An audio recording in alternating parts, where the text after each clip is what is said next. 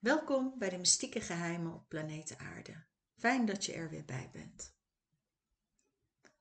Ik wil met jullie vandaag spreken over mysteries die op dit moment gaande zijn. Ik neem jullie hopelijk mee een stukje op reis. Een bepaalde informatie zal je absoluut weten en sommige dingen ook misschien niet.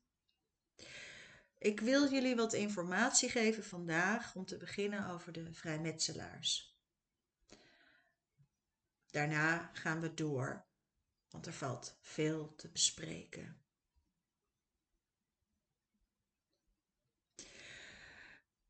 Wie zijn die vrijmetselaars? Er wordt heel veel over gesproken.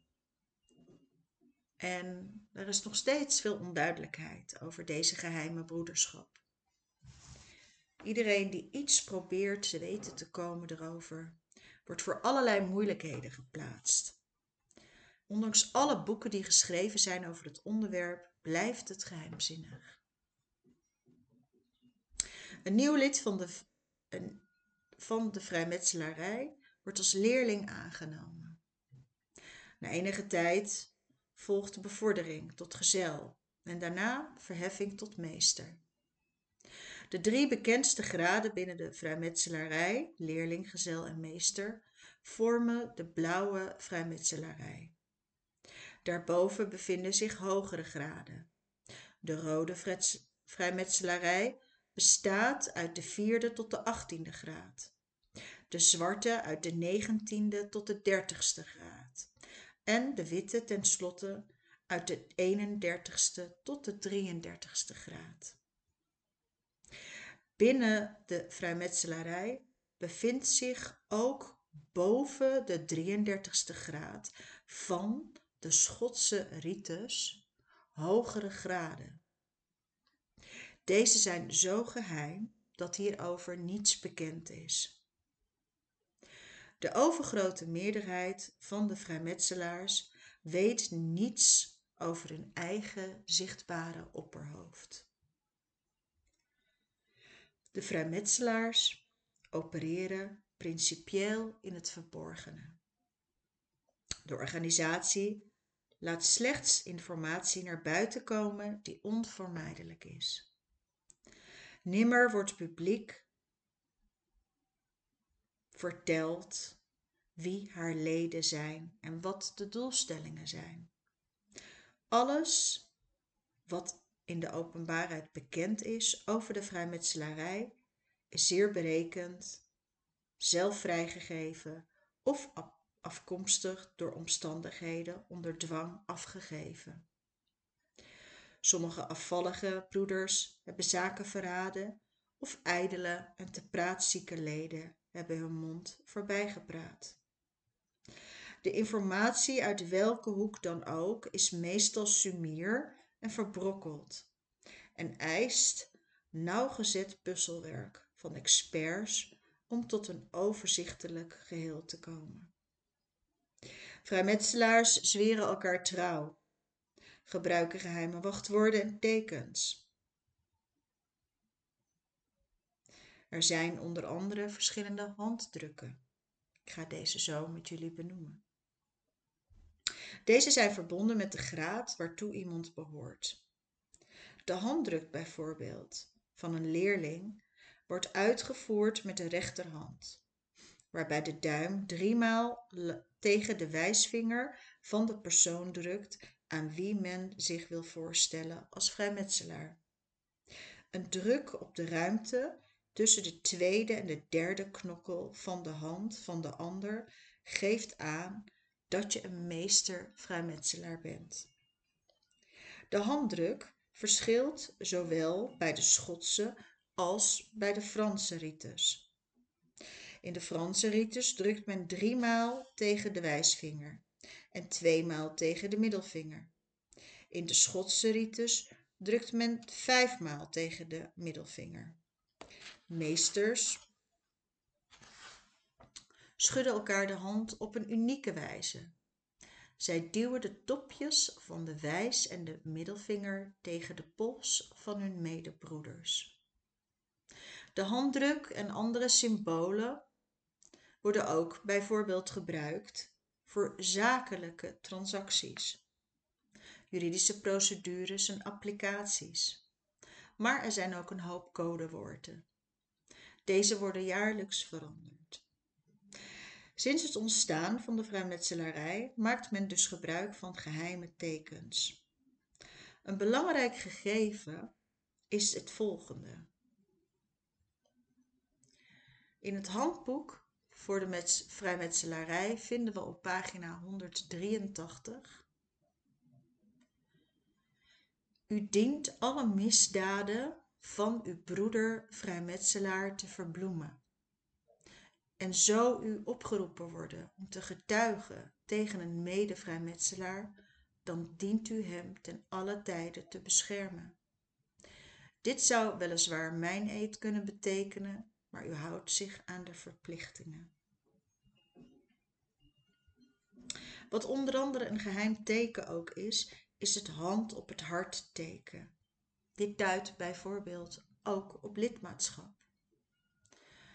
Maar stel je ook voor presidenten, parlementariërs, rechters en politieambters. Allen maken zij deel uit van deze gemeenschap.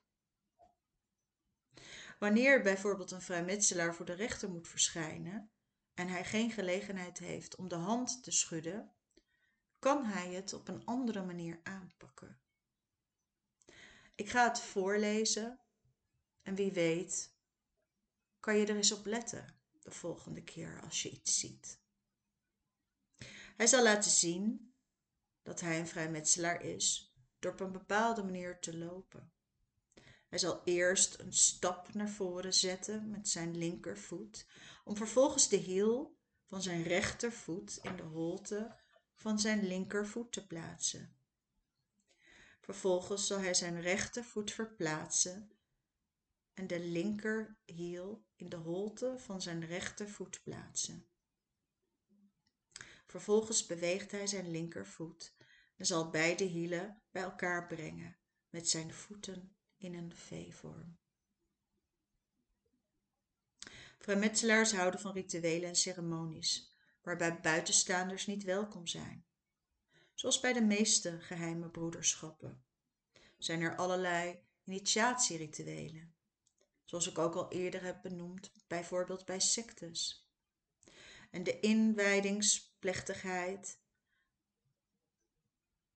blijft vaak geheim, omdat alle vragen geheim blijven. Het is heel interessant om dit te weten, dat het blijkt dat je eigenlijk soms helemaal niets weet. Of je nou blauw bent of tot de rode graad behoort. Hoe het werkelijk zit, we zullen het niet weten.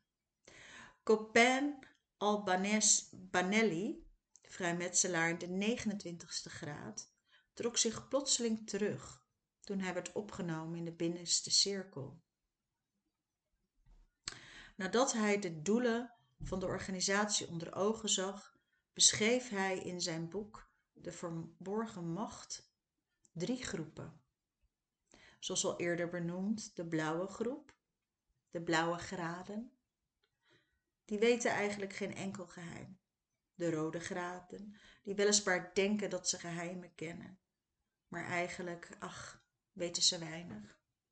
En de internationaal binnenste cirkel, de werkelijke heren en meesters die schuilgaan achter de hogere graden die de echte orde leiden. Want het is ook een orde en zo moet je het ook zien. Bij die blauwe graden leert men ook slechts enkele symbolen. En ook bekend is dat men vaak opzettelijk verkeerde symbolen krijgt of informatie. Vanuit de vrijmetselaar zijn er opmerkelijke lijnen te trekken naar bijvoorbeeld de Lions en de Rotary. Maar er zijn meer serviceclubs. Ook de Broederschap van het Rozenkruis en bijvoorbeeld de Odd Fellows worden ermee gemoeid.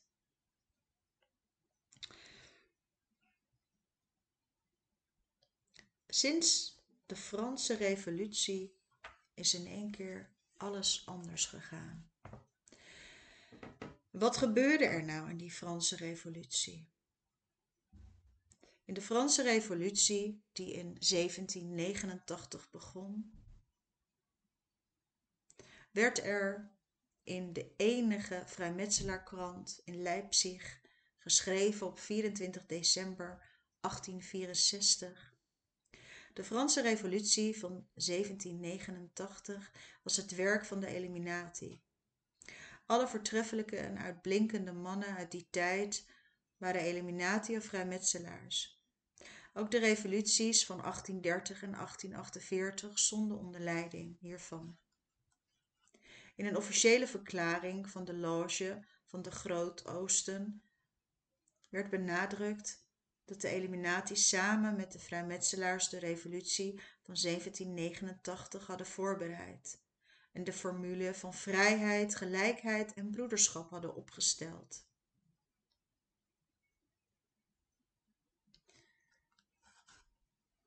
In principe is heel de Franse geschiedenis een aaneenschakeling van revoluties en contra-revoluties. Het begon dus met 1789, waarin een aantal bankiers zo attent was om de aankomst van het voor Parijs bestemde schepen met graan, levensmiddelen en andere middelen te verhinderen, waardoor er een gebrek ontstond aan voedsel en er enorme rellen uitbraken onder de Parijse bevolking. De catastrofe was duidelijk van tevoren gepland. Het staat vast dat de slachtoffers, het gewone volk, hier niets mee te maken heeft. Haar hoogtepunt kende de grote revolutie in 1793 en het eindigde met een vreselijk schikbewind in 1794. De meeste aristocraten werden met behulp van de guillotine onthoofd. En toen de aristocraten op waren, ging het volk verder met elkaar onder de valbijl te leggen. De revolutie ontrukte de macht aan de koning, adel en kerk en legde ze in de handen van de eliminatie en de vrijmetselaars. Ik kom hier nog op terug. De chaos na de revolutie kwam uiteindelijk toen Napoleon Bonaparte zijn kans greep. Zijn ambitie om heel Europa te regeren bracht op den duur een einde aan zijn macht. Hierover zo verder.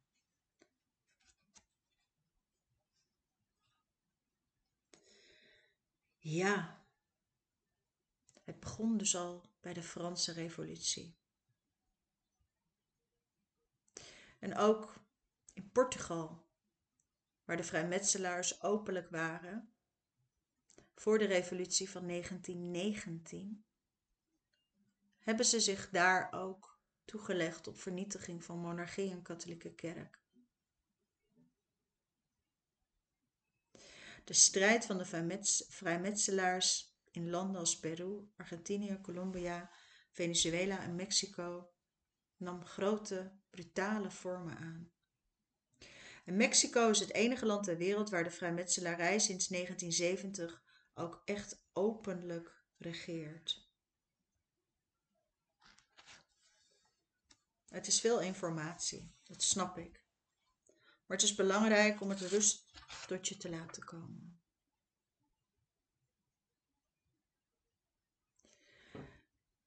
Je moet je voorstellen dat in Europa, in die tijd en ook nu, bijna alle Engelse premiers en Franse presidenten logebroeders waren. En dat dat op dit moment ook zo is. Staatslieden en monarchen zijn vrijmetselaars in hoge graden, maar ook militairen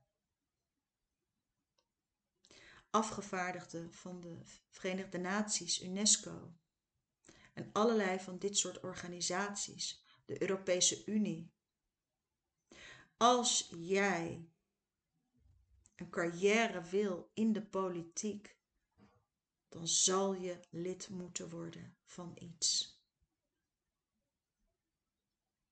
De Verenigde Staten is de vrijmetselaarsnatie bij uitstek.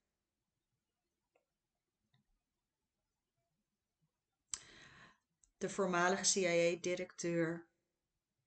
Zij stammen allemaal af direct van de lijn van de Schotten.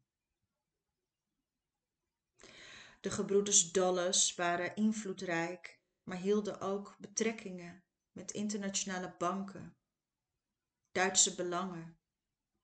En nog voor de Eerste Wereldoorlog werd alle macht toegetrokken. De macht van de vrijmetselaars is inmiddels gigantisch. Wij kunnen ons dat bijna niet voorstellen. En er is één ding wat wij ons goed moeten realiseren. En nogmaals, als jij enigszins gebruik wil maken van een topcarrière, op welke manier dan ook, op wereldniveau, dan zal je lid moeten worden van één van de 36 superloges.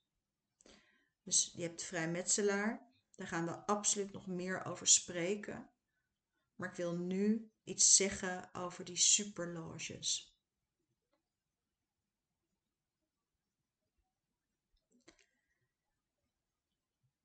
De UR-loges hebben de bescheiden invloed van de gewone vrijmetselarij ver overschreden.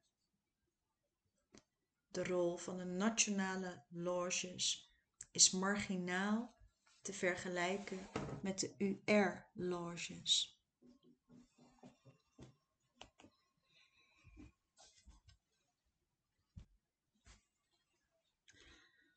De UR-loges zijn verdeeld in twee groepen. Er is een democratisch progressieve groep en er is een antidemocratische conservatieve groep.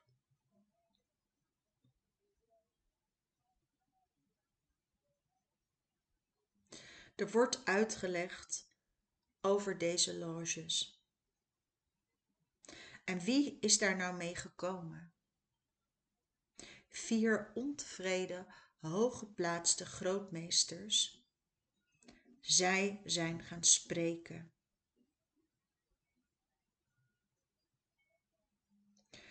Op 29 mei 2017 overleed alias Frater Kronos. Hij was onder andere presidentieel adviseur van alle presidenten En hij kwam met iets. En hij kwam met het volgende. Ook weer onder andere met David Rockefeller en anderen hebben ze de loge The Three Eyes opgericht. En bijna alle belangrijke prominenten zijn hier lid van.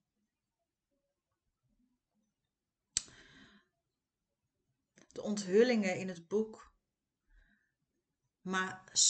niet, zijn niet alleen maar nieuw, maar ook macaber. Het geeft antwoord op veel vragen. Alle UR-loges staan onder supervisie van de Rothschilds. Als je lid wil worden van een loge, kan dit alleen maar op verzoek of op uitnodiging. In beide gevallen is er altijd goedkeuring van de Rothschilds vereist. Alle machten van onze hedendaagse wereld maken deel uit van deze loges. Er is op dit moment geen premier, geen minister, geen kanselier, geen president die niet lid is van tenminste één van de 36 UR-loges.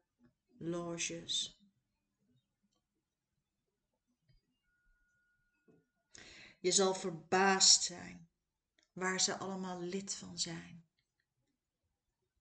Je hebt dus de democratische, progressief democratisch. En je hebt de antidemocratisch. Dus ook neo-aristocratisch. Naast hoge politici uit West-Europa, de Verenigde Staten, Rusland, Israël, Iran, Saudi-Arabië en Qatar zijn er uit allerlei landen mensen lid. Dit betekent dus, ofschoon de zichtbare wereldleiders op het wereldtoneel tegenovergestelde rollen spelen, zij achter de schermen allemaal met elkaar samenwerken. Alle wereldbeslissingen die te maken hebben met macht, politiek, financiën en industrie worden eerst samengesteld op speciale bijeenkomsten. Het is belangrijk om je dit te realiseren.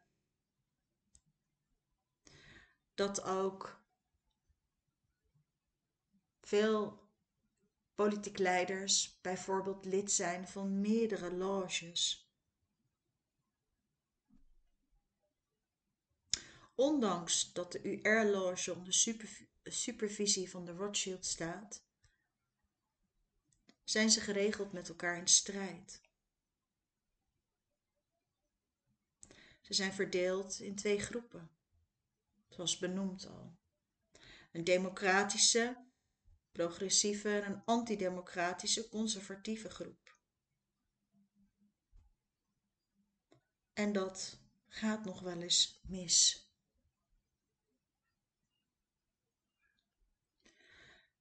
Het is heel erg belangrijk om ons te realiseren dat dit aan de hand is.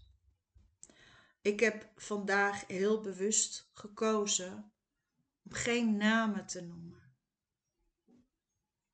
van politiek leiders, waar zij zich precies, bij welke loge zij zich hebben aangesloten omdat het daar niet om gaat. Wat belangrijk is, is wat begonnen is met een Franse revolutie. Wat begonnen is al eeuwen geleden. Wat begonnen is, zoals we weten, ook met de sectes. Wat onder leiding van de UR-loges, politici in Europa en Noord-Amerika, voortdurend zorgen voor terreur, vernietiging en onvoorstelbaar lijden onder volken. Dat tientallen miljoenen mensen op de vlucht staan, omdat landen verwoest worden grondig door een schaakspel in de loges. Dat grote culturen als Irak, Afghanistan en Syrië tot aan de grond toe kapot gemaakt zijn. De financiële crisis van 2008, de oorlogen in Iran en Irak, de miljoenen vluchtelingen. Het is belangrijk om je te realiseren wat er werkelijk aan de hand is. En als je dan een overstap maakt, ook tussen de vrijmetselaars en de zogenaamde eliminatie. Dan kan je weten dat al in 1530 onder de naam Alumbrados de officiële orde der eliminatie werd opgericht. Toen al waren er plannen voor leiderschap over de hele wereld. Maar de activiteiten verdwenen en uiteindelijk verdween de orde. Maar in 1773 kwam het idee weer naar boven. In overleg met de oprichter van de Rothschild Bank werd het idee verder uitgewerkt.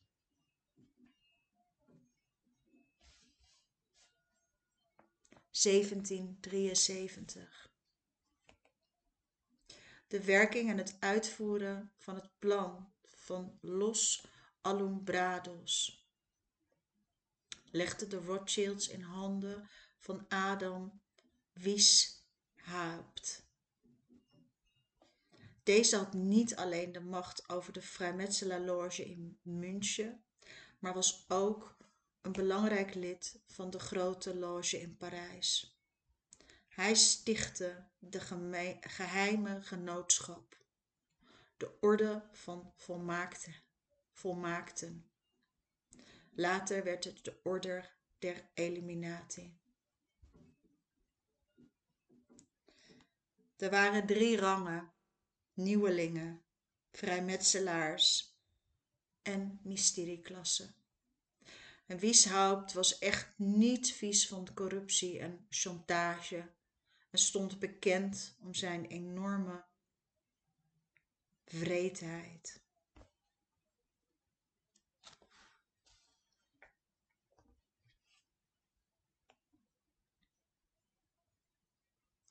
Tot slot voor nu. Toen Frans George Lang, een lid van de Eliminatie, op 10 juli 1785 door de bliksem werd getroffen, vond de politie een groot gedeelte van zijn geheime plannen bestemd voor de grootmeester van de Groot Loge, de Grand Orient in Parijs.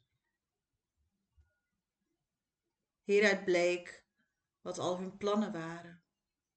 En ter gelegenheid van een bijeenkomst van alle loges op 16 juli 1782 werd in Willemsbad een verbond gesloten tussen de eliminatie en de vrijmetselarij. Adam Wieshaupt ontarmde de krachtige steun van de protestantse vrijmetselaar, prinsen en leiders van Duitsland en Europa. Met hen kwam de macht van de orde van de vrijmetselarij.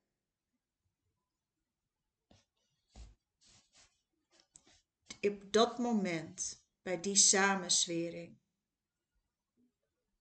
Keurvorst Karel Theodor van Beieren liet daardoor op 11 oktober 1785 een razzia uitvoeren in het huis van Wijshaups assistenten. Ook daar werden veel documenten gevonden.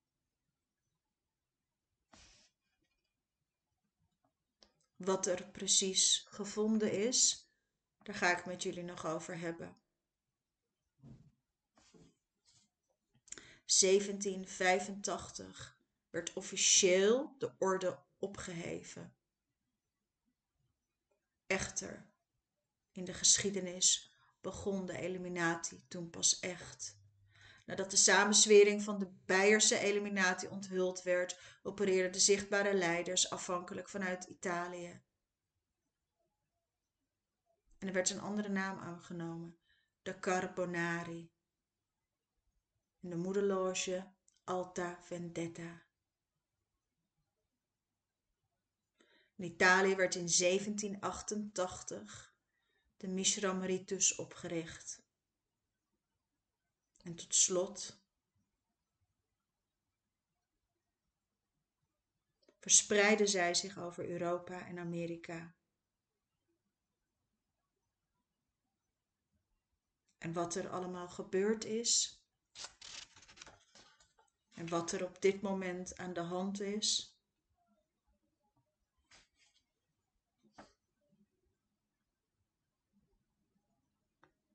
Wij gaan er nog uitgebreid met elkaar over spreken. Maar ik wilde jullie dit niet onthouden voor vandaag. Want er zijn nog heel veel mystieke geheimen op planeet Aarde. En het is belangrijk dat wij ze met elkaar gaan ontrafelen. Dankjewel voor het luisteren en tot volgende week.